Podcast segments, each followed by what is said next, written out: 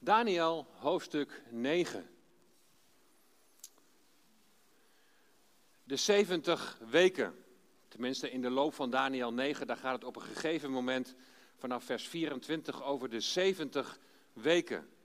En die 70 weken, dat wordt ook wel de ruggengraat van de profetie genoemd. De 70 weken die geven ons informatie over belangrijke momenten en gebeurtenissen in het heilsplan, in het verlossingsplan van God. Zoals het moment waarop God Israël als volk gaat herstellen, de eerste komst van de Messias en het moment waarop hij lijdt en sterft. En we krijgen meer informatie ook over de laatste jaarweek, de 70ste jaarweek. In vers 1, laten we daar maar mee beginnen. Daniel 9, vers 1, daar wordt duidelijk waar we ons in de tijd bevinden. In het eerste jaar van Darius, de zoon van Ahasveros, uit het geslacht van de Meden, die koning gemaakt was over het koninkrijk van de Galdeeën. Nou, hier kun je zien dat het eerste jaar van Darius 539 voor Christus is. En dat is precies het jaar dat Babel werd ingenomen door de Meden en de Perzen. En in hoofdstuk 5 heb ik uh, verteld hoe dat ging. Daar zie je hetzelfde jaartal staan, het laatste jaar van Belzazar, was de koning van Babel. En terwijl koning Belzazar een feestmaal aanricht, stond de vijand al aan de poort, dringt de vijand via de rivier binnen in de stad door een kanaal te graven waar het water wegloopt en het waterpeil zodanig daalt dat ze onder de muren door in de stad kunnen komen. Hoofdstuk 9 is dus het vervolg op hoofdstuk 5 en 6, zoals je hier kunt zien.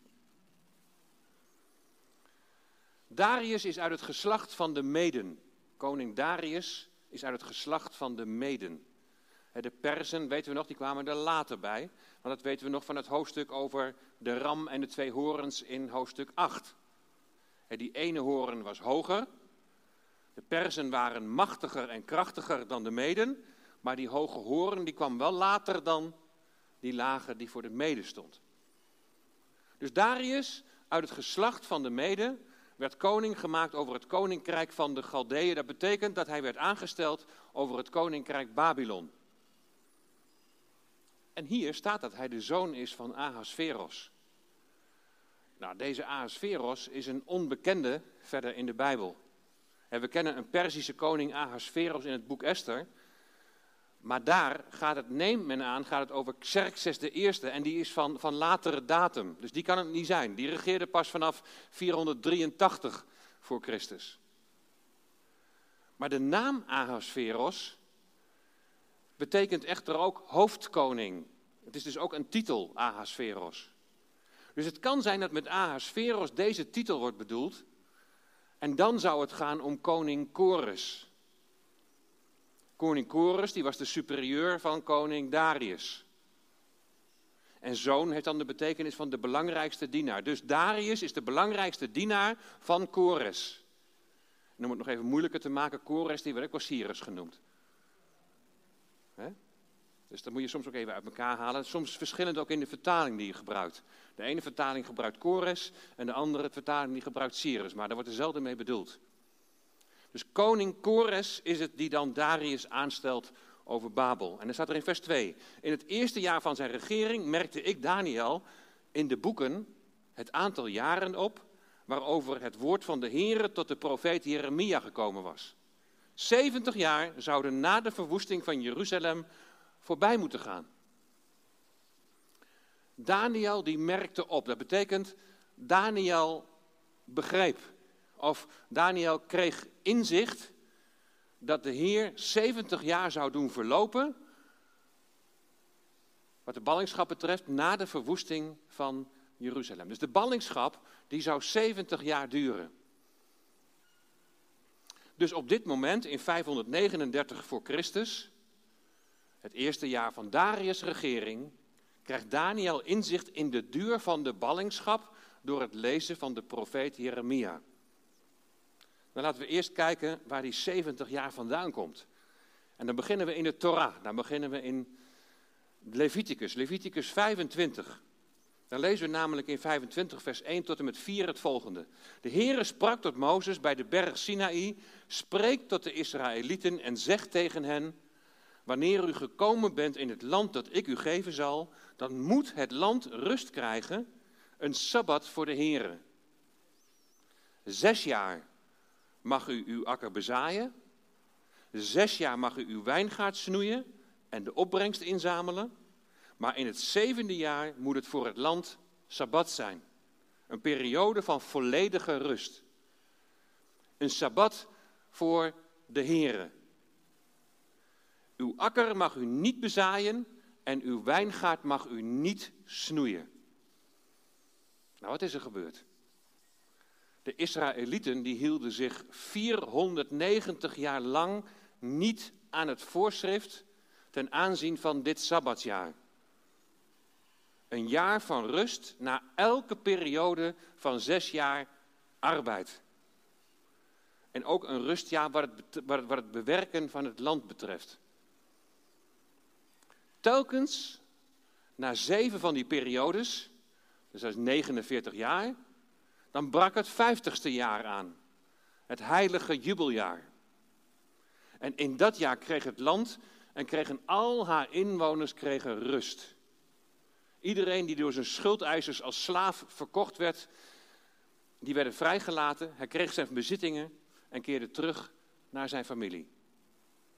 In die 490 jaar hadden ze 70 keer dat sabbatsjaar moeten houden, maar dat hebben ze niet gedaan. Daarom volgt de ballingschap en duurt die 70 jaar, zodat die 70 sabbatten, dat het land braak moest liggen, dat die worden ingehaald. God handelt helemaal volgens de wet. Kijk maar mee in Leviticus 26, vers 1 en 2. Daar staat: U mag voor uzelf geen afgoden maken. U mag voor uzelf geen beeld of gewijde steen oprichten. En u mag in uw land geen gebeeldhouwde steen zetten. om u daarvoor neer te buigen. Want ik ben de Heere uw God. Mijn sabbatten moet u in acht nemen. En voor mijn heiligdom moet u eerbied hebben.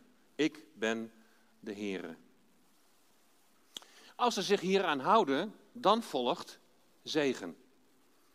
Maar als ze zich niet hieraan houden, dan volgt de vloek.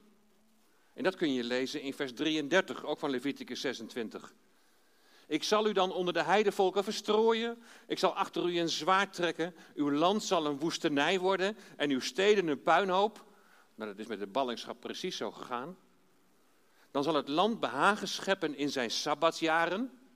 Alle dagen dat het verwoest ligt, en u in het land van uw vijanden bent, dan zal het land rusten en zal het behagen scheppen in zijn sabbatsjaren. Nu zal het land 70 jaar achter elkaar dus braak liggen. Halen ze alles in één keer in. Alle dagen dat het verwoest ligt, zal het rusten, omdat het niet rustte gedurende uw sabbatten toen u het bewoonde. En hier zie je eigenlijk een beetje het principe van oog om oog, tand om tand. En dan lezen we in kronieken, waarvan alles beschreven staat over de verschillende koningen die, die eh, het land hebben bestuurd. Dan staat er in 2 Kronieken 36, vers 17 tot 21, precies hoe dit in vervulling is gegaan.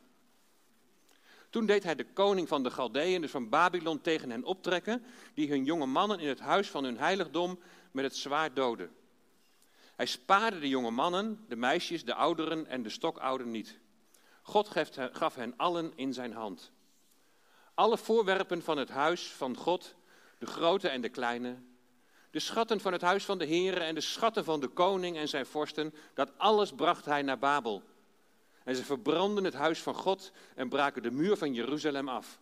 Ook alle paleizen van Jeruzalem verbrandden zij met vuur, zodat alle kostbare voorwerpen ervan te gronden werden gericht.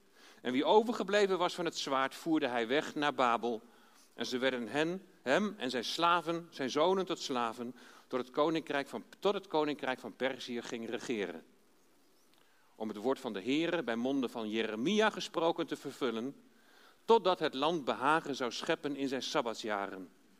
Het rustte al de dagen van de verwoesting, totdat de zeventig jaren vervuld waren. Als je zo al die verschillende Bijbelboeken zo ziet, dan zie je hoe, een, hoe een eenheid de Bijbel is. Hè? Het sluit allemaal precies exact bij elkaar aan. Hier wordt ook alweer verwezen, dus vanuit de twee kronieken naar Jeremia.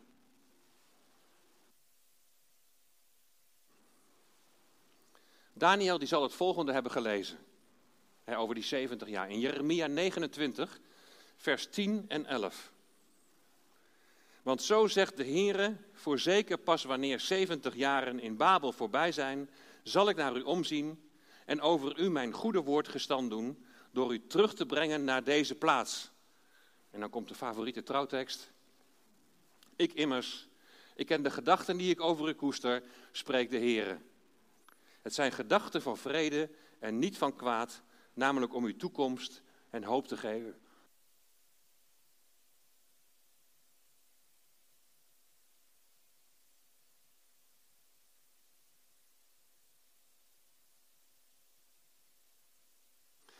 Je ziet wel verschillen.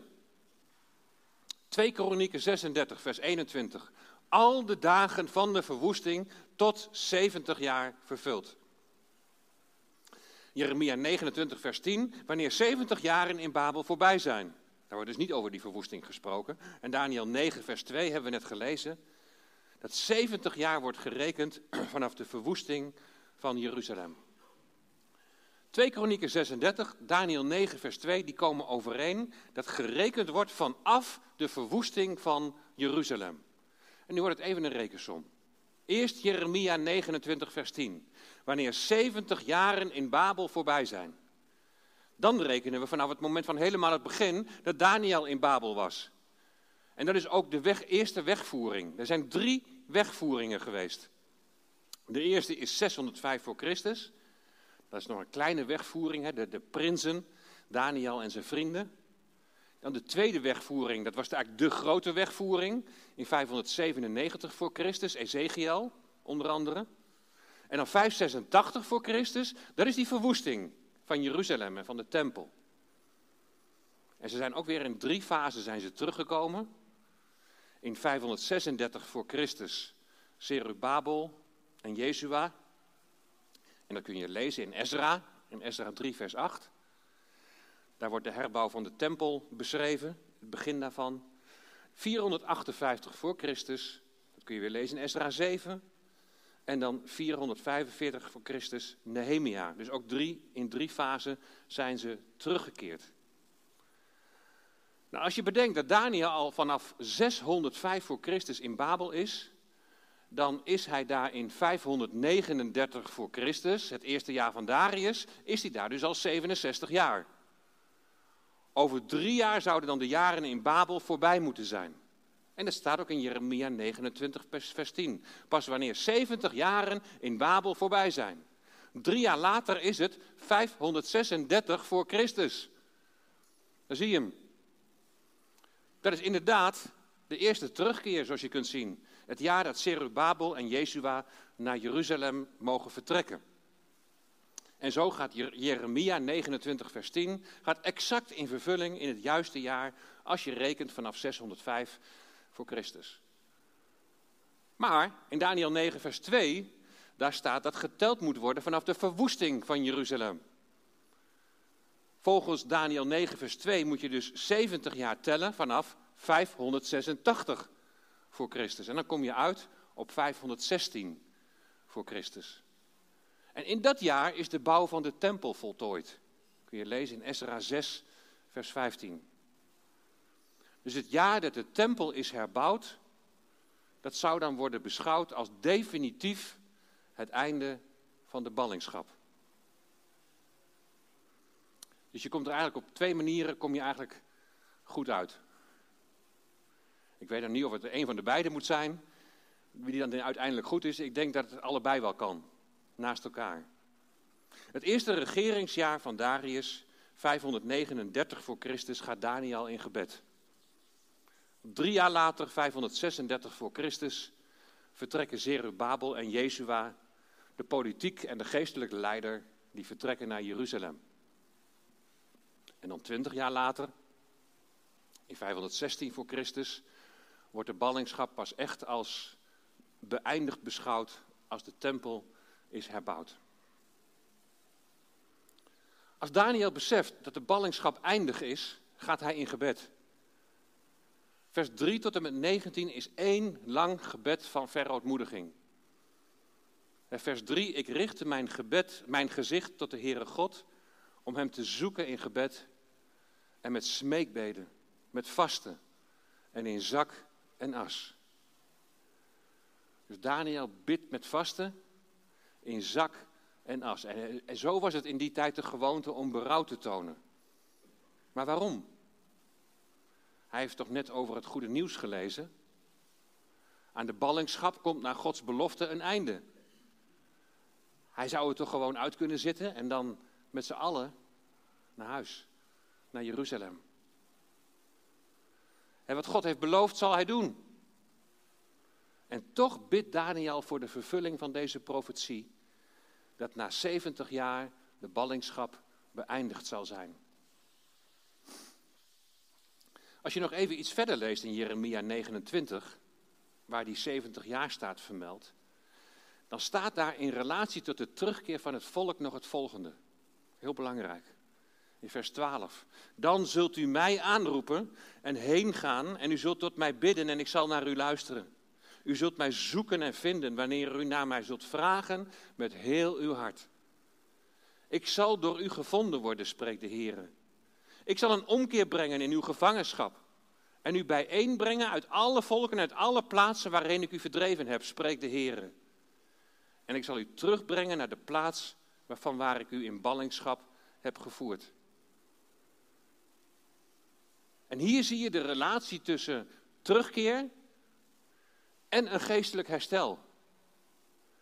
En Daniel die zal ongetwijfeld dit ook hebben gelezen. Niet alleen over die 70 jaar, maar hij zal ongetwijfeld door hebben gelezen. Hij komt tot het inzicht dat geestelijk herstel nodig is. De Heer zoeken met je hele hart. En dat is precies wat hij doet. Hij brengt dit precies in uitvoering. De Heer zoeken met je hele hart. Wil die belofte van terugkeer uit alle volken, wil dat in vervulling gaan. Dat is dus ook veel groter dan alleen maar de terugkeer uit Babel. Het gaat, over de terugkeer van de, het gaat ook over de terugkeer van de tien stammen die verstrooid zijn onder de volken. Daniel weet waarom ze in ballingschap zijn. Dat blijkt uit zijn gebed. En ze hebben zwaar gezondigd. En dit besef van enerzijds zonde van het volk en anderzijds dat terugkeer in het teken moet staan van geestelijk herstel, doet hem besluiten tot dit gebed van diepe verootmoediging. Hij doet precies wat hier staat. Hij bidt en hij vraagt met heel zijn hart. Vers 4. Ik bad tot de Heere, mijn God, en deed beleidenis en zei, Och Heere, grote en ontzagwekkende God, die zich houdt aan het verbond en de goede tierenheid ten aanzien van hen die hem liefhebben en zijn geboden in acht nemen. Allereerst prijst Daniel God. Daniel die prijst hem als de grote en de ontzagwekkende God. Daniel spreekt hem dan aan als de verbondsgod. De God van het verbond. Hij die een huwelijksrelatie heeft met zijn volk. Hij is zijn kant van het verbond nagekomen. Hij is goede tieren, barmhartig, maar ten aanzien van hem die hem lief hebben en die zijn geboden na zijn gekomen. En daar zit het probleem. Het volk heeft zijn geboden niet in acht genomen, heeft overspel gepleegd, geestelijk overspel gepleegd. En Daniel zet in zijn gebed God eerst neer zoals hij is, de almachtige grote God, die barmhartig is. Dat is aanbidding. God neerzetten zoals hij is. En na de aanbidding, dan volgt de schuldbeleidenis. Wij hebben gezondigd.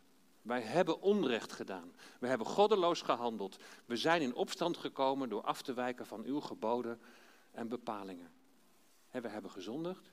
We hebben onrecht gedaan. We zijn goddeloos geweest. We zijn in opstand gekomen. Wij rebelleerden. En dat is het ergste. Het woordje rebelleren, dat spreekt van een inbreuk op die, op die verbondstatus. Ten einde die te verbreken.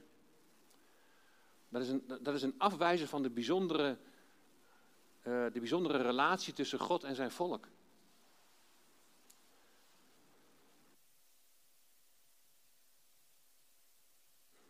We hebben niet geluisterd naar uw dienaren, de profeten, die in uw naam spraken tot onze koningen, onze vorsten en onze vaderen en tot heel de bevolking van het land.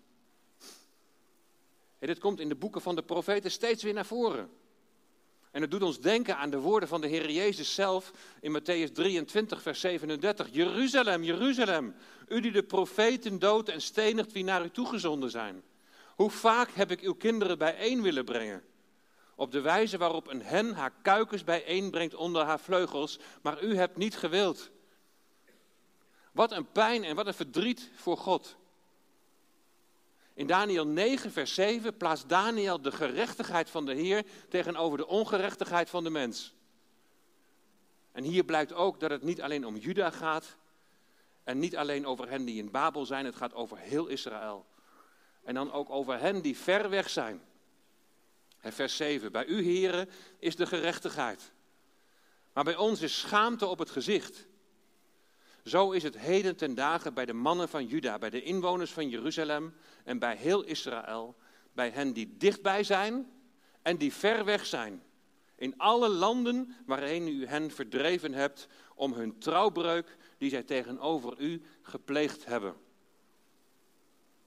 Zie je helemaal in overeenstemming met Jeremia 29, waar de belofte staat dat de Heer zijn volk uit alle volken bijeen zal verzamelen. En je proeft bij Daniel, proef je het verlangen om als kuiken te schuilen onder de vleugels van de Allerhoogste. Daar, daarom gaat hij ook verder in zijn gebed met de woorden: Heren, bij ons staat de schaamte op het gezicht. Bij onze koningen, bij onze vorsten, bij onze vaderen, omdat wij tegen u hebben gezondigd. En dan pleit Daniel op Gods barmhartigheid. Hij pleit op Gods vergeving, omdat, omdat dit is wie God is. Barmhartig en vergevingsgezind. De Heere onze God is vol barmhartigheid en menigvuldige vergeving, hoewel wij tegen Hem in opstand zijn gekomen. We hebben niet geluisterd naar de stem van de Heere onze God om volgens Zijn wetten te wandelen, die Hij ons gegeven heeft door de hand van Zijn dienaren, de profeten. En ze hebben zich niet aan die sabbatsjaren gehouden die in de wet beschreven stonden. Maar heel Israël heeft uw wet overtreden en is afgeweken door niet te luisteren naar uw stem. Daarom is over ons de vervloeking. Zie je weer die zegen en die vloek. Daarom is over ons de vervloeking en de eed uitgegoten die beschreven is in de wet van Mozes. De dienaar van God. Want wij hebben tegen hem gezondigd. Over het overtreden van de wet hebben we al gelezen in Leviticus 26. De ballingschap is precies waar God voor heeft gewaarschuwd als zij zich niet aan de geboden houden. Dan staat er in vers 12 van Leviticus 26, oh nee, van eh, Daniel 9, sorry. Hij heeft zijn woorden gestand gedaan die hij gesproken heeft tegen ons en tegen onze richters die ons leiding gaven. Door over ons een groot onheil te brengen dat zich onder heel de hemel nergens heeft voorgedaan zoals zich dat in Jeruzalem voorgedaan heeft. Dus al vanaf de tijd van de richteren, 490 jaar voor aanvang van de ballingschap, hebben ze zich niet aan de sabbatsjaren gehouden. Zoals het beschreven is in de wet van Mozes, is al dat onheil over ons gekomen. We hebben het aangezicht van de Heere onze God niet getracht gunstig te stemmen, door ons af te keren van onze ongerechtigheden en verstandig met uw waarheid om te gaan. Daarom heeft de Heer over het onheil gewaakt en heeft Hij het over ons gebracht. Want de Heere onze God is rechtvaardig in al zijn werken die Hij gedaan heeft, aangezien wij naar Zijn stem niet geluisterd hebben. Er is dus veel onheil over hen gekomen, zoals beschreven is in de wet van Mozes, zoals het geschreven is in de Torah.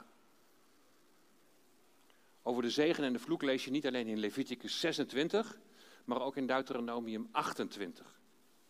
Vanaf vers 32, daar staat: Uw zonen en uw dochters zullen aan een ander volk gegeven worden. Nou, dat is letterlijk wat er gebeurt met de ballingschap. Uw ogen moeten het aanzien. En ze zullen de hele dag naar hen smachten, maar u zult niet bij machten zijn iets te doen. Een volk dat u niet kent zal de vrucht van uw land en heel uw arbeid opeten. U zult alle dagen alleen maar onderdrukt en uitgebuit worden. Deuteronomium. Deutero betekent twee, nomos betekent wet. En Deuteronomium bestaat een periode van twee maanden voordat ze het land innemen. Het is niet een tweede wet, maar het is een herhaling, een herinnering aan de wet. Een herinnering aan Gods bepalingen voordat ze dat land binnen gaan trekken. Een, een herinnering bijvoorbeeld aan de geboden zoals die staan in Leviticus 26. En hoe ze horen te leven in het land dat ze gaan veroveren. En daar zit dus bij inbegrepen, jullie zullen je moeten houden aan die sabbatsjaren. Ieder zevende jaar rust. Zou voor ons ook goed zijn, denk ik, hè?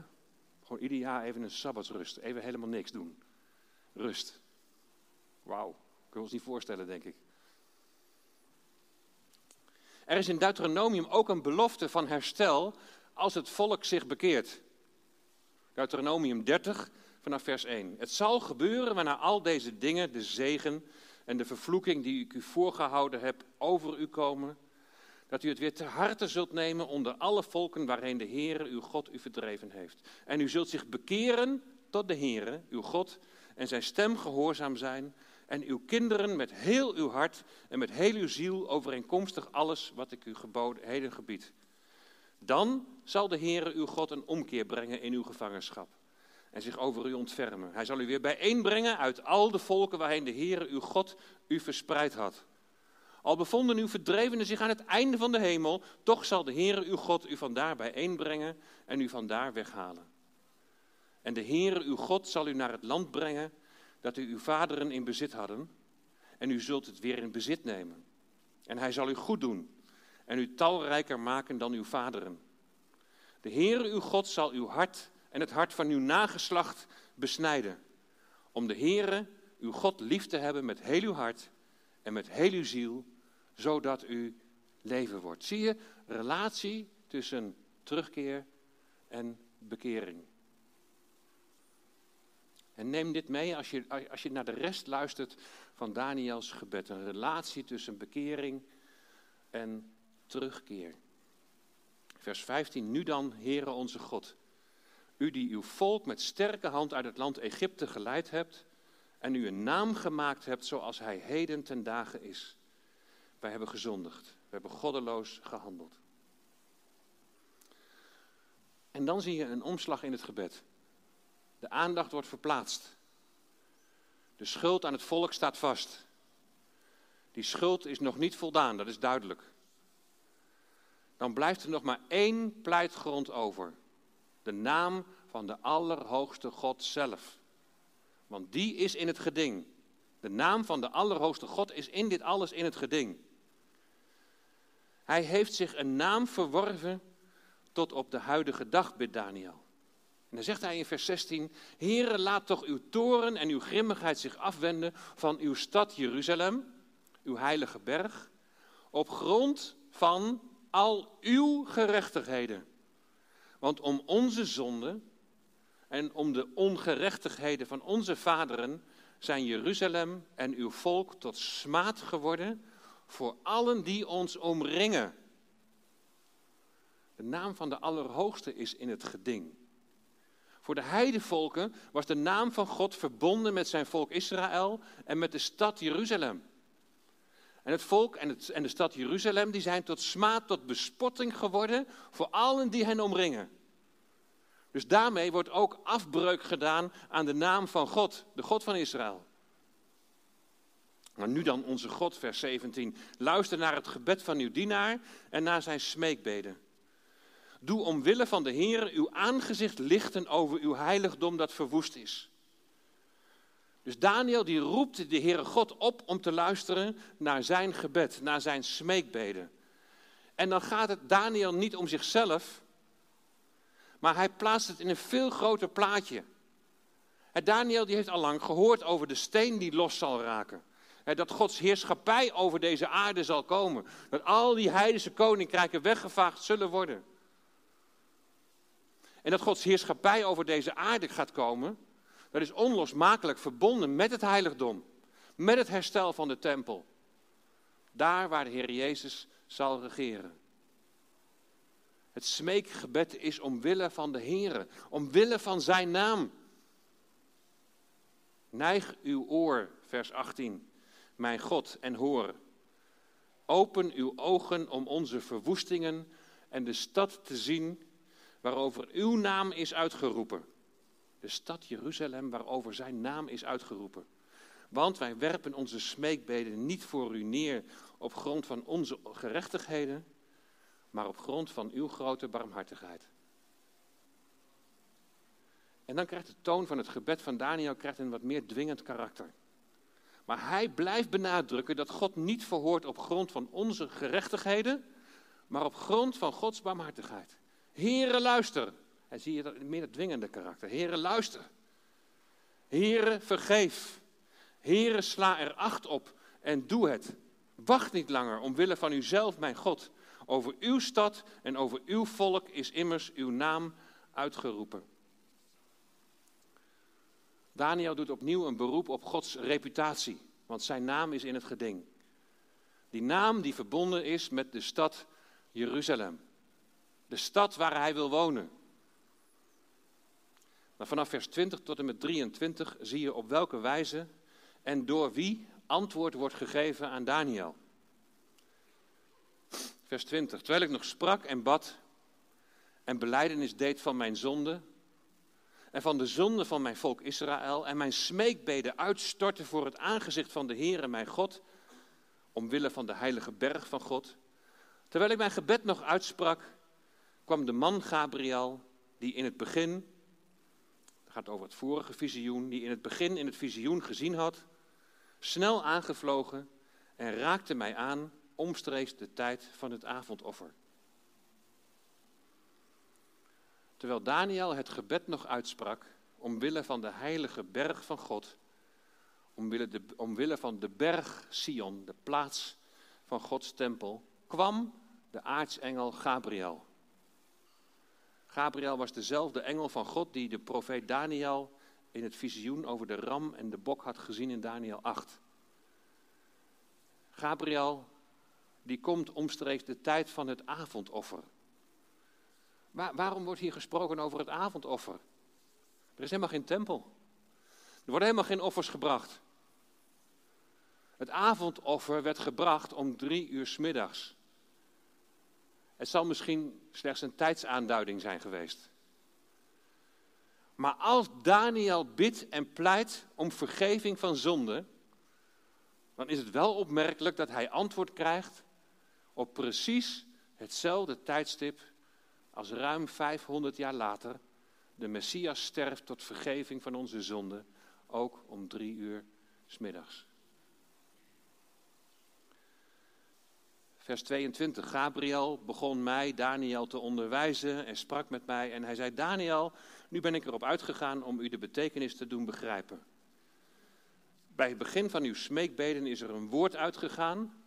En nu ben ik zelf gekomen om u dat te vertellen. Want u bent zeer gewenst. Begrijp dan dit woord en krijgt inzicht in het visioen. Dus al vanaf het begin van het gebed van Daniel is er beweging in de hemelse gewesten. En we hebben dat onlangs ook gezien in de preek over Daniel hoofdstuk 10. De Almachtige die kende het hart van Daniel. En hij wist ook al wat hij ging zeggen, voordat hij gesproken had. En bij het begin van zijn smeekbeden is er een woord uitgegaan.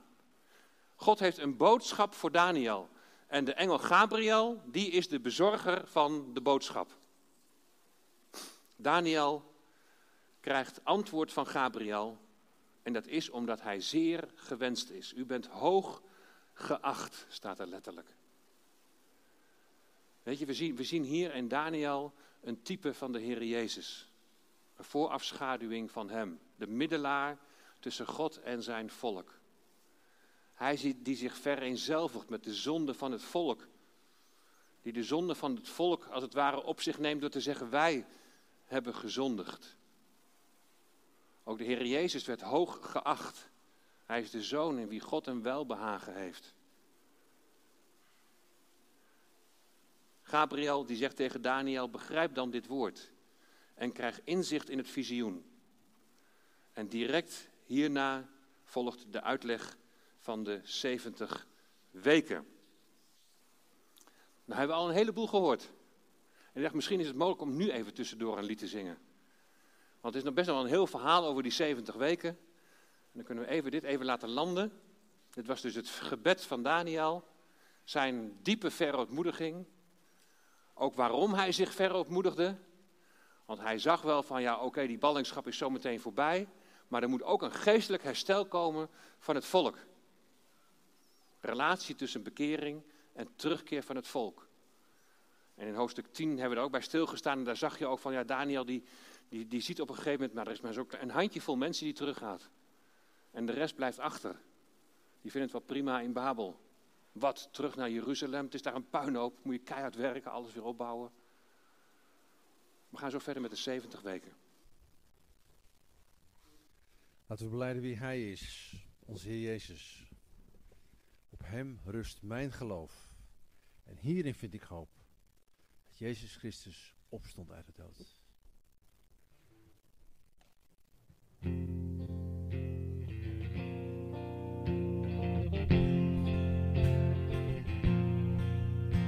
Op Hem rust mijn geloof. En hierin vind ik hoop. Dat Jezus Christus opstond uit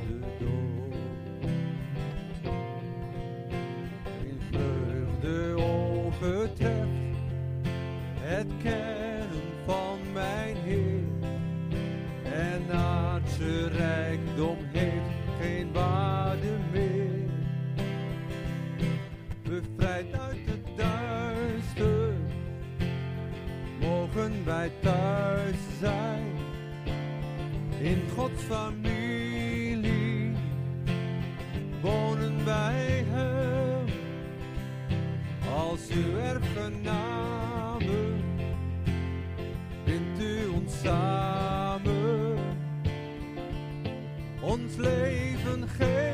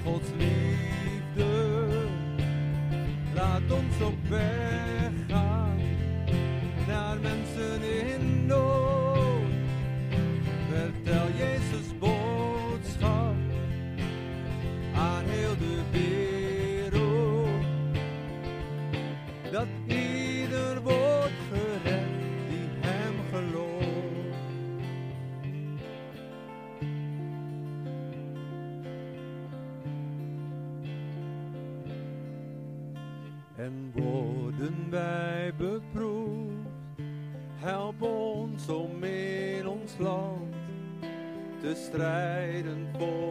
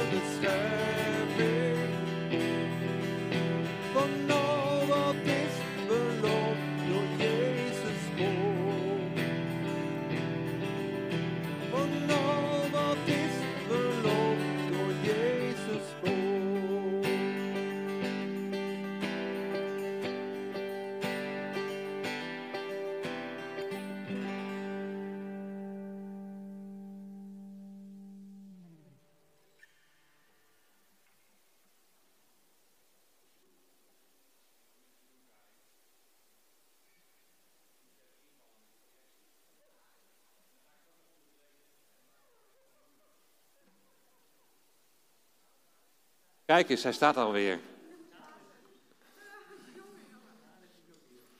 Aan het eind van vers 23, daar hadden we gezien dat tegen Daniel werd gezegd: begrijp dan dit woord en krijg inzicht in het visioen. De vraag is: is die 70 weken alleen een profetie die uitgesproken wordt, of is het ook een visioen? Of doelt Gabriel op het visioen van hoofdstuk 8? Dat dus de profetie van de 70 weken een verdere uitleg is van het visioen in hoofdstuk 8. Maar dat laatste zou heel goed kunnen. Weet je, in het Bijbelboek Daniel is sprake van progressieve openbaring, zoals we dat noemen. We zien in visioenen en in de profetieën zien we herhalingen. En dan zien we vervolgens zien we steeds meer verdieping en we zien eigenlijk steeds meer in toenemende mate duidelijkheid wat er wordt bedoeld. Steeds meer duidelijkheid over hoe God zijn plan gaat ontvouwen. Nou, we gaan bekijken naar de betekenis van de 70 weken. De ruggengraat van de profetie. Vers 24. 70 weken zijn er bepaald over uw volk en uw heilige stad om de overtreding te beëindigen, de zonden te verzegelen, de ongerechtigheid te verzoenen, om een eeuwige gerechtigheid tot stand te brengen, om visioen en profeet te verzegelen en om de heiligheid van heiligheden te zalven. Nou, het eerste waar we naar moeten kijken is die uitdrukking 70 weken. In het Hebreeuws staat daar voor weken shavuim. En dat betekent letterlijk zevens. Dus 70 zevens. En het kan een periode zijn van zeven jaar, van zeven maanden, van zeven weken, van zeven dagen, zeven uur. Maar hier in de context van deze profetie zal ik aan de hand van de berekening, berekening die nog gaat volgen, zal ik laten zien dat het gaat om jaarweken. Dus perioden van zeven jaar. Het gaat hier dus over 70 keer 7 is 490 jaar. 490 jaar zijn er bepaald over uw volk en over de stad Jeruzalem. 70 keer hebben ze het Sabbatsgebod om het land braak te laten liggen, hebben ze niet in acht genomen, daarom 70 jaar ballingschap.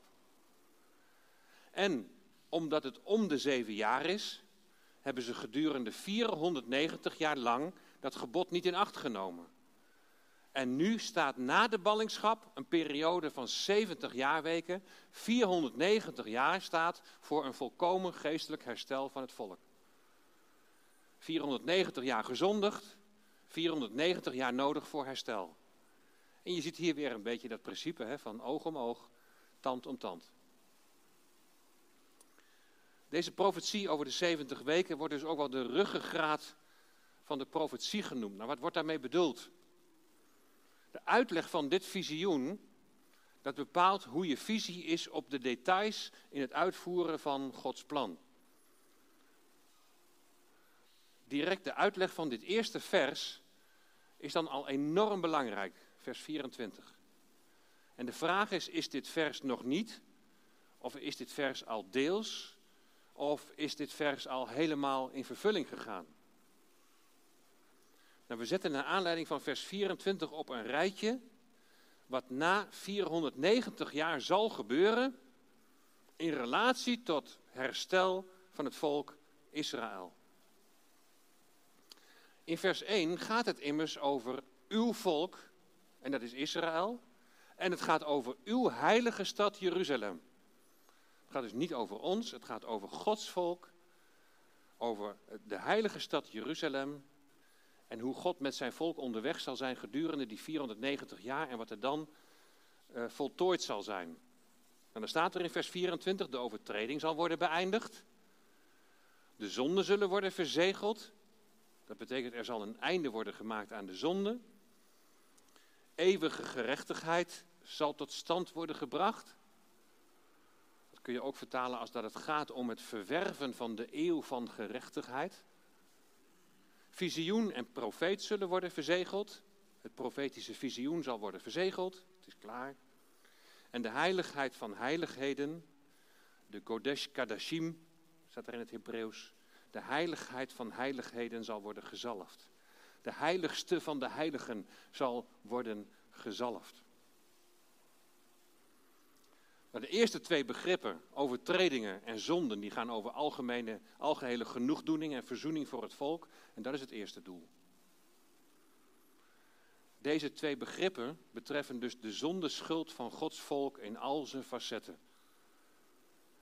De eeuw, de periode van gerechtigheid verwerven, dat is het tweede doel. Maar er is slechts één periode die daaraan voldoet. En dat is het Messiaanse Rijk. Dan zal er volkomen gerechtigheid zijn. Doelstelling 3 is dat Daniel het profetisch visioen verzegelt. En dat zal dan afgesloten zijn. Het zal vervuld zijn. De profetische voorzeggingen met betrekking tot het herstel van Israël komen tot een einde en gaan in vervulling. En doelstelling 4 is om de heiligste van de heiligen te zalven. En de heiligste is de engel des Heren, dat is de zoon van de Allerhoogste. Het woord zalven, dat ziet op het bevestigen van een profeet of een toekomstig koningschap, wat in het geval van de Messias natuurlijk zo is. Dat is dus het moment waarop de Messias, de Heer Jezus, tot koning over het Messiaanse Rijk zal worden gekroond. Nou, bedenk dat het boek Daniel betrekking heeft op Juda, dat in ballingschap is. En dat God beloften geeft voor heel zijn volk, Israël en Juda.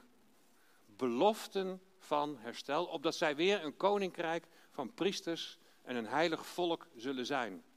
Zoals het oorspronkelijk de bedoeling was. En de Heere hen tot hoofd van de volken zal maken. Nou, in dat licht moet je ook deze beloften lezen die in 490 jaar dan in vervulling zouden gaan. In eerste instantie hebben die genoemde voorwaarden betrekking op de periode zoals dat in vers 25 staat beschreven. Vanaf de tijd dat het woord uitgaat om te laten terugkeren en om Jeruzalem te herbouwen tot Messias de vorst. Dan laten we nog eens naar die vier doelstellingen kijken en beoordelen of die voor Gods volk Israël en Jeruzalem in vervulling zijn gegaan. De verzoening, de eerste, de verzoening en het delen in de zegeningen van het nieuwe verbond is tot nu toe in die zin wel vervuld, maar is alleen hen ten deel gevallen die Jezus als Messias hebben aanvaard. Gelovige Joden en gelovige heidenen. Maar het nieuwe verbond, waarover je kunt lezen in Jeremia 31, dat God sluit met Juda en Israël als volk, dus niet als individuele gelovigen, maar als volk, dat zal nog plaatsvinden bij zijn komst als antwoord op de bekering van het volk. Ten tweede, de tweede doelstelling gaat over de aanvang van het Messiaanse Rijk. Nou, daar zijn we het over eens, denk ik, daar is nog geen sprake van. Drie, doelstelling drie gaat over het verzegelen van het visioen. Nou, in Daniel 12, vers 9, daar staat dat deze dingen verborgen en verzegeld moeten blijven tot de eindtijd. En dan de vierde doelstelling, de zalving van de Messias als koning van het Messiaanse Rijk. Ook deze gebeurtenis valt in de eindtijd. Als je nou kijkt naar vers 24, dan zijn doelstelling 1, 2 en 4 zijn wel aangeboden. Maar ze hebben het als volk, niet allemaal als individuen, maar als volk hebben ze het afgewezen. En is het dus nog niet in vervulling gegaan voor geheel Israël als volk en niet voor Jeruzalem. Naar vers 25. U moet weten en begrijpen. Vanaf de tijd dat het woord uitgaat om te laten terugkeren, om Jeruzalem te herbouwen tot op Messias de vorst, verstrijken er zeven weken en 62 weken. Plein en gracht zullen opnieuw gebouwd worden, maar wel in benauwde tijden. Na de 62 weken zal de Messias uitgeroeid worden, maar het zal niet voor hemzelf zijn. Een volk van een vorst, een volk dat komen zal, zal de stad en het heiligdom te gronden richten. Het einde ervan zal zijn in de overstromende vloed. Naar het einde toe zal er oorlog zijn, verwoestingen waartoe vast besloten is. Nou, vanaf hier kunnen we gaan rekenen. We moeten eerst weten wat er bedoeld wordt met vanaf de tijd dat het woord uitgaat om te laten terugkeren en om Jeruzalem te herbouwen. Dan moeten we als eerste weten, wat is dat jaartal? Nou, dat herstel ziet niet op het herstel van Jeruzalem, zoals dat onder Ezra een aanvang nam. Die, die, die, die, die werkzaamheden die, die bleven beperkt tot een gedeeltelijke herbouw van de stad. En een hele bescheiden constructie van het tempelgebouw. De stad werd onder Ezra niet voltooid. Dat gebeurde pas onder Nehemia. Zoals dat blijkt uit Nehemia 1, vers 3 en 2, vers 17. Er wordt hier in vers 25 gesproken over het herstel van plein en gracht. Uit de profetie van Nehemia kunnen we dat moment precies bepalen. Nehemia 2, vanaf vers 1, daar staat: Het gebeurde in de maand Nisan. Dat is een hele belangrijke, die moet je vasthouden, de maand Nisan. Het gebeurde in de maand Nisan, in het twintigste jaar van koning Artaxasta. Vers 4. De koning zei tegen mij: Wat verzoekt u dan? En toen bad ik tot de God van de hemel en zei tegen de koning: Als het de koning goed dunkt en als uw dienaar u welgevallig is, dat u mij dan naar Juda stuurt, naar de stad met de graven van mijn vaderen, zodat ik die weer kan opbouwen. Toen zei de koning tegen mij, terwijl de koningin naast hem zat: Hoe lang zal uw reis duren? En wanneer zult u terugkeren? Het was goed in de ogen van de koning. Hij liet mij gaan toen ik hem een bepaalde tijd opgegeven had. Verder zei ik tegen de koning: Als het de koning goed dunkt, laat mij dan brieven geven voor de landvoogden van het gebied aan de overzijde van de rivier, dat ze mij doorgang verlenen totdat ik in Juda ben aangekomen. En een brief voor Asaf, de bewaker van het kroondomein dat de koning heeft, dat hij mij hout geeft om een zoldering te maken voor de poorten van de burcht, die bij het huis van God hoort, voor de stadsmuur en voor het huis waar ik naartoe zal gaan. En de koning gaf ze mij omdat de goede hand van mijn God over mij was. Nou, die koning Artaxasta die regeerde vanaf 465 voor Christus, dat weten we. En in zijn twintigste jaar, dat lazen we net in vers 1, in het twintigste jaar van koning Artaxasta in die maand Nisan. In zijn twintigste jaar, dat is dus 445 voor Christus, vaardigde hij een decreet uit dat de Joden toestond om de muren van Jeruzalem te herbouwen. In de maand Nisan, 445 voor Christus. Nou, dan kunnen we rekenen. Nu wordt hier gesproken over 7 en 62 weken. Zeven weken, dat is 7 keer 7. En zevens was het, hè? 49. Na 49 jaar is Jeruzalem herbouwd. Dan komt er nog 62 jaar bovenop. Keer 7 jaar is 434 jaar. Dus totaal 69 jaarweken. Keer 7 is 483 jaar. En dat zal zijn tot op Messias de vorst. Dan krijgen we daarna nog één keer 7 jaar. En dan is de 490 jaar vol. 70 keer 7 is 490 jaar. Nou is de berekening niet zo heel eenvoudig. Want jaren zijn bij ons 365 dagen. Maar de Joodse kalender die gaat uit van 360 dagen. Nou, we kijken eerst even naar die eerste zeven jaarweken. Dat is 49 jaar, de tijd dat Jeruzalem zal worden herbouwd. Als je dan uitgaat van 445 voor Christus en je telt daar zo'n 49 jaar bij, dan kom je uit op plusminus 396 voor Christus. In die periode werden niet alleen de muren opgebouwd, maar werd tevens Jeruzalem geheel voltooid, inclusief publieke gebouwen en wegen. En dan gaan we kijken wat er gebeurt als je daar weer 62 weken bij op gaat tellen. De tijd tot op Messias de vorst.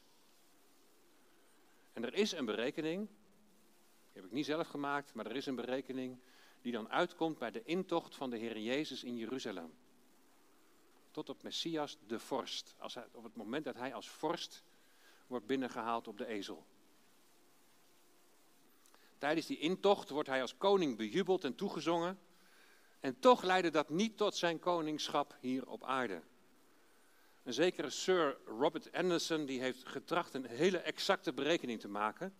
En te beginnen bij 445 voor Christus in de maand Nisan. En dan tot op Messias de vorst, 69 jaarweken. Nou, hier zie je die berekening. 7 plus 62 is 69 jaar.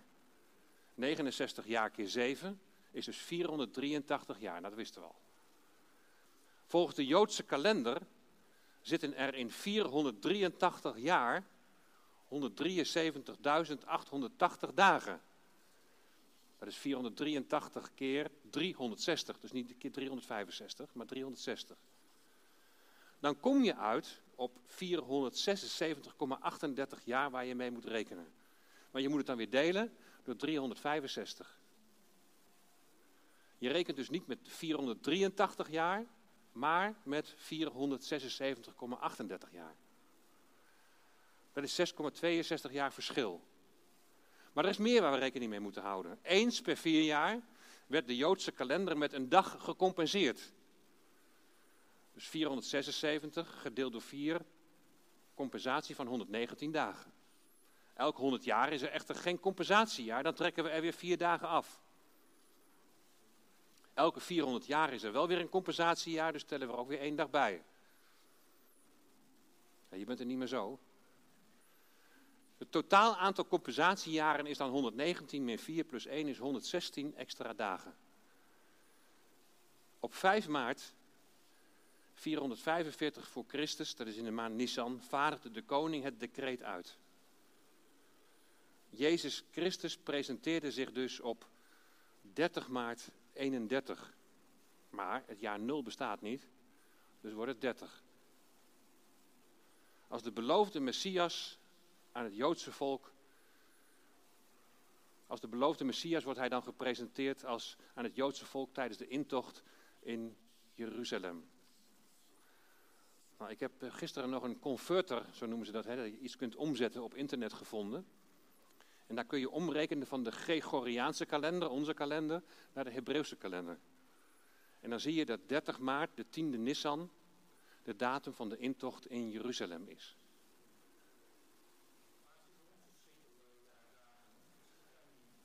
Geen idee. Geen moeilijke vragen stellen. Nee. nee. We gaan puur rekenen dus met de Joodse dagen. Inderdaad, klopt. Van mei, 5 maart tot 30 maart tellen we het 25 dagen. Maar aangezien er sprake is van een gebeurtenis na de gegeven datum van 5 maart, trekken we er een dag af. Dus 24 dagen blijven over. En dan kom je met die telling kom je uit op 173.880 min 116 min 24 is 173.740. En wat dan wel heel opmerkelijk is, is dat het precies afgerond, en wat staat daar, 476 jaar is. Helemaal precies afgerond. Weet je, ik ga niet zeggen dat deze, deze berekening 100% klopt. Maar ik vind het wel heel bijzonder. En ik geloof zeker dat er een berekening te maken is. Soms zeggen mensen ook van ja, maar al die jaarweken en al die jaartallen en dagen en alles moet je allemaal niet zo letterlijk nemen. Maar ik geloof het wel. En ik geloof zeker dat er ook een oplossing is. En deze klinkt me inderdaad wel heel aannemelijk uh, in de oren. Zo komen we dus uit op de tiende Nissan, 30 na Christus, de intocht van Jezus in Jeruzalem. En daarover kun je lezen bijvoorbeeld in Lucas 19, vanaf vers 28 tot 44. En dan staat er in de versen 42 en 44 het volgende. Hij zei, och, dat u ook nog deze dag zou onderkennen wat tot uw vrede dient. Dus hij is op weg naar Jeruzalem. En dan zegt hij, och, dat u nog deze dag zou onderkennen wat tot uw vrede dient. Nu echter is het verborgen voor uw ogen. Het is verborgen dat hij, Messias, de vorst is. waar Daniel over heeft gesproken. Want er zullen dagen over u komen dat uw vijanden een wal rondom u zullen opwerpen, u zullen omsingelen en u van alle kanten in het nauw zullen brengen. Maar daar spreekt Daniel vervolgens ook over, zullen we zo meteen zien. In vers 44 van Lucas 19, daar lezen we, en zij zullen u met de grond gelijk maken en uw kinderen in u verpletteren. Ook zullen ze in u geen steen op de andere steen laten, omdat u het tijdstip waarop er naar u omgezien werd, niet hebt onderkend. Ze hebben het tijdstip niet onderkend. Ze hadden het kunnen weten. Weet je nog de titel van de preek over Daniel 9? Je had het kunnen weten. Ze hadden het kunnen weten.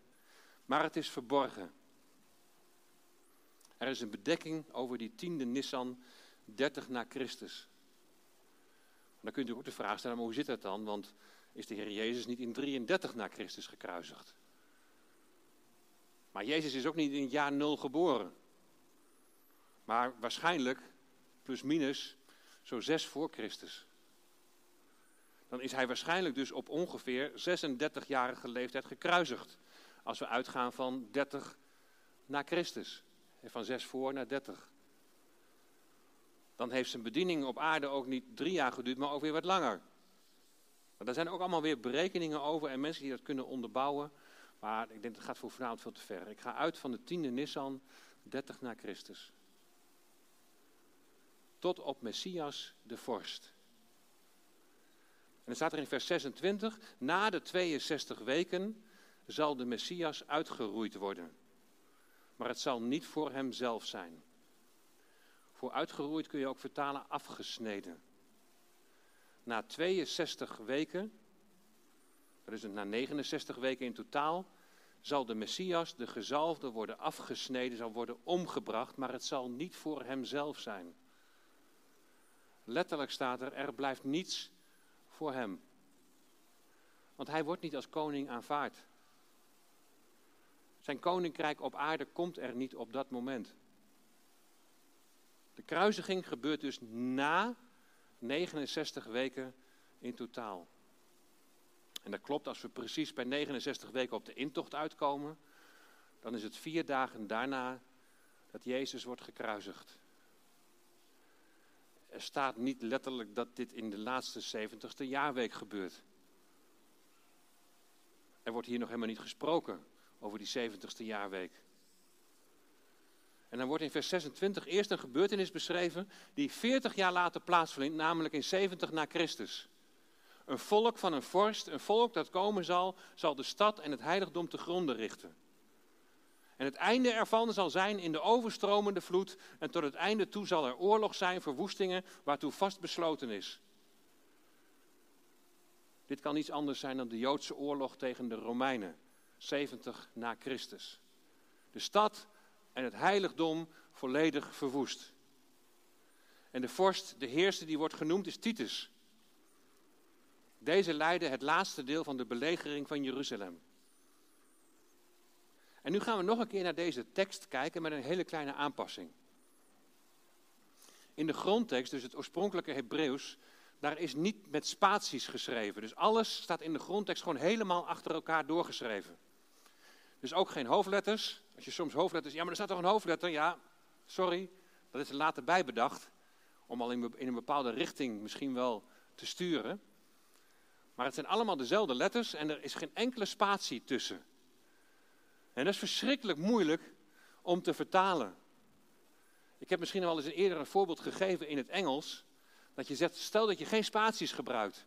En dat je schrijft van God is now here dan kun je het ook lezen als God is nowhere. Exact hetzelfde. Als er geen spaties tussen staan. En zo is met het Hebreeuws dus ook. Dus je weet ook niet precies waar je een punt moet zetten. En waar je een volgende zin moet beginnen. Dus daarom, je zou het ook als volgt kunnen vertalen namelijk. Een volk van een vorst, een volk dat komen zal, zal de stad en het heiligdom te gronden richten. En het einde ervan zal zijn in de overstromende vloed het Titus 70 na Christus. En dan staat er een nieuwe zin, en die zou ik dan ook toevoegen aan het volgende vers. Naar het einde toe zal er oorlog zijn, verwoestingen waartoe vast besloten is. Hij zal voor velen het verbond versterken één week lang. Halverwege de week zal hij slachtoffer en graanoffer doen ophouden. Over de gruwelijke vleugel zal een verwoester zijn, zelfs tot aan de voleinding, die vastbesloten uitgegoten zal worden over de verwoeste. Nou, dit vers is cruciaal in de uitleg over hoe je aankijkt tegen die laatste jaarweek, die zeventigste jaarweek, die laatste zeven jaar. Er is bijvoorbeeld een, zoals ze dat noemen, een preteristische uitleg. Dat is een uitleg die zegt van ja, maar dat is allemaal al vervuld. Ook die zeventigste jaarweek is al vervuld. En zij komen dan bijvoorbeeld met 69 weken uit op de doop van de Heer Jezus, als het moment van zijn zalving. Terwijl ik zei de intocht in Jeruzalem, dat is een verschil. Um, na drieënhalf jaar wordt de Heer Jezus dan gekruisigd. Dan kunnen we de offer stoppen, want het ultieme offer is gebracht. Maar het offeren stopt nog niet op dat moment. Dat is pas veel later, als de tempel wordt verwoest in 70 na Christus. De tweede drieënhalf jaar zeggen zij dan, en die, die zeggen dat alles al vervuld is, de tweede drieënhalf jaar, die zal dan ongeveer lopen tot de steniging van Stefanus, waarna het heil definitief naar de heidenen gaat. Nou, dat is dus de preteristische uitleg die zegt dat alles al is vervuld. En ik zeg dus van nee, ik geloof dat die 70ste jaarwerk nog moet gaan komen. En dat die losgeknipt wordt van het gedeelte hiervoor. In vers 27, uh, uh, in vers 27 wordt er dan van uitgegaan, bij die preteristische visie, dat hij staat voor de Messias en het verbond voor het nieuwe verbond. Maar je begrijpt dan wel dat de voorgaande dromen, visioenen en profetieën in hoofdstuk 2 en 7 en 8, dat die dan ook anders worden uitgelegd. De tijd naar het einde, of de eindtijd, zien zij dan als het moment van Jezus' kruisiging. Dat is dan de tijd van het einde, dat alles is volbracht. Dus dit vers, snap je wel, is wel heel cruciaal voor de uitleg hoe, hoe God verder zijn plan gaat ontvouwen. En, en, ik probeer te kijken naar de totale context van het Bijbelboek Daniel. En dan zie ik steeds weer die overgangsversen in die zin dat het ineens weer gaat over de tijd van het einde. Dat hebben we gezien bij het statenbeeld in hoofdstuk 2, bij de vier dieren in hoofdstuk 7, bij de twee dieren in hoofdstuk 8. We zullen dat ook nog zien in hoofdstuk 11. Hebben we vanmorgen al gezien, waar het ineens overgaat van de regering van Antiochus Epiphanes naar de regering van de Antichrist. En dat er zo'n overgang is, moet volgens mij wel. Omdat niet alles wat na die overgang geschreven staat, precies past in die geschiedenis voor de kruisiging van de Heer Jezus. En hier in, in hoofdstuk 9 zien we volgens mij dus in ieder geval zien we daar hetzelfde. Ineens in vers 26 staat aan het einde naar het einde toe.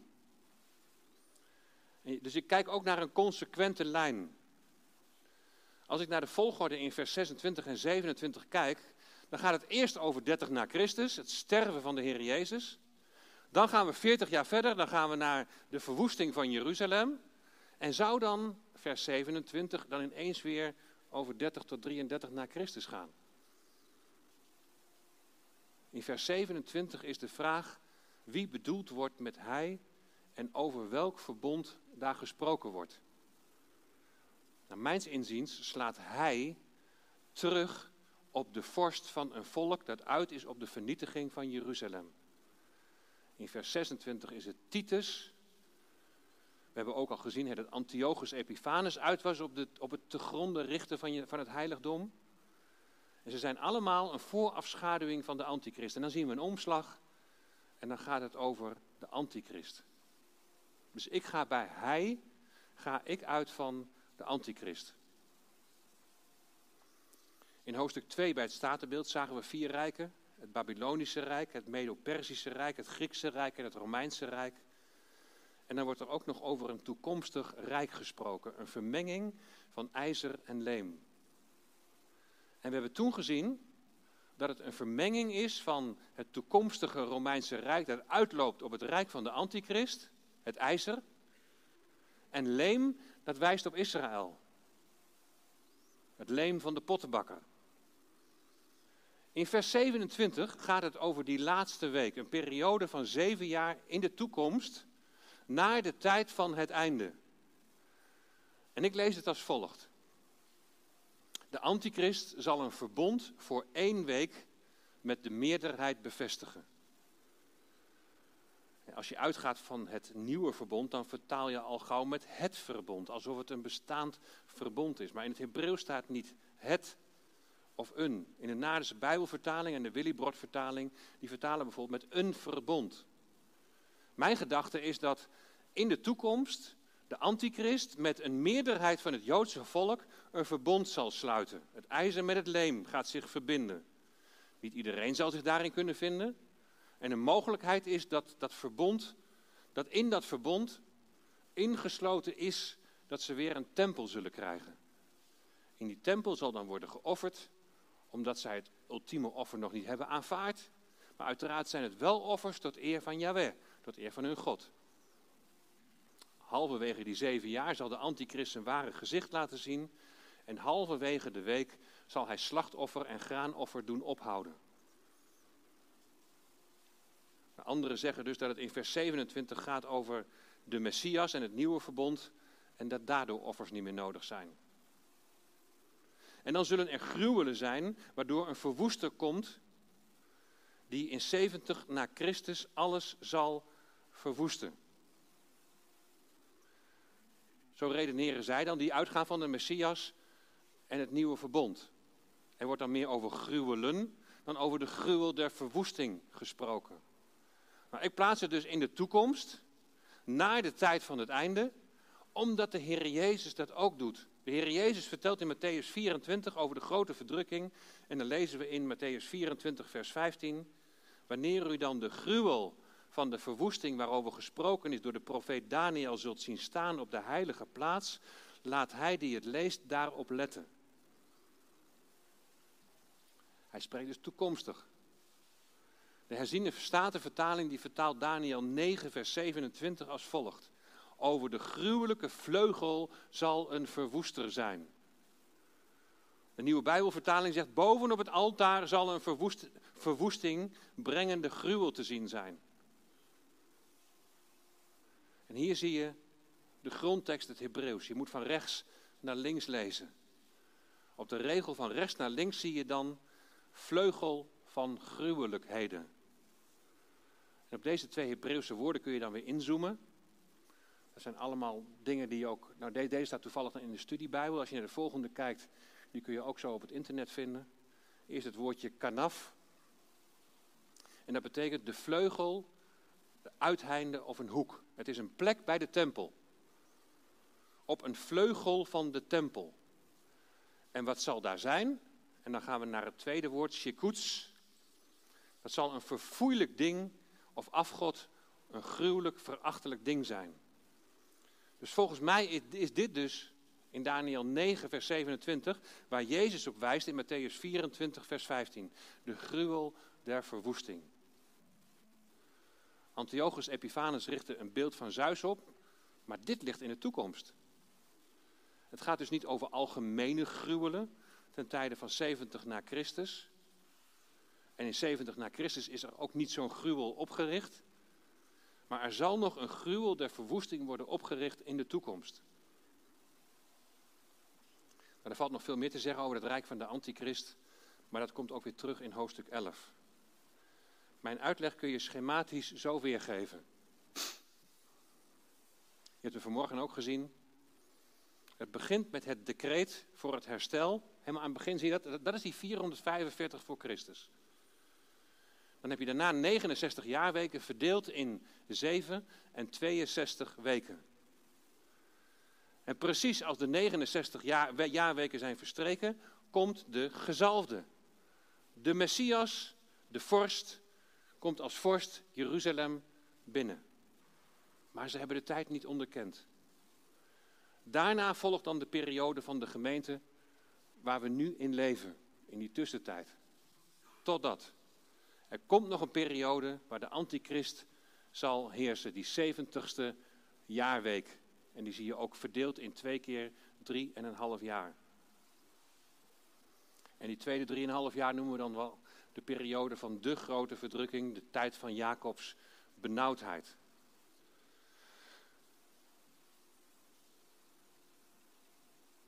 Voor die tijd, tenminste dat is mijn overtuiging, daar zijn ook, heb ik al vaker verteld, er zijn ook verschillende ideeën over hoe zit het nou met de opname van de gemeente.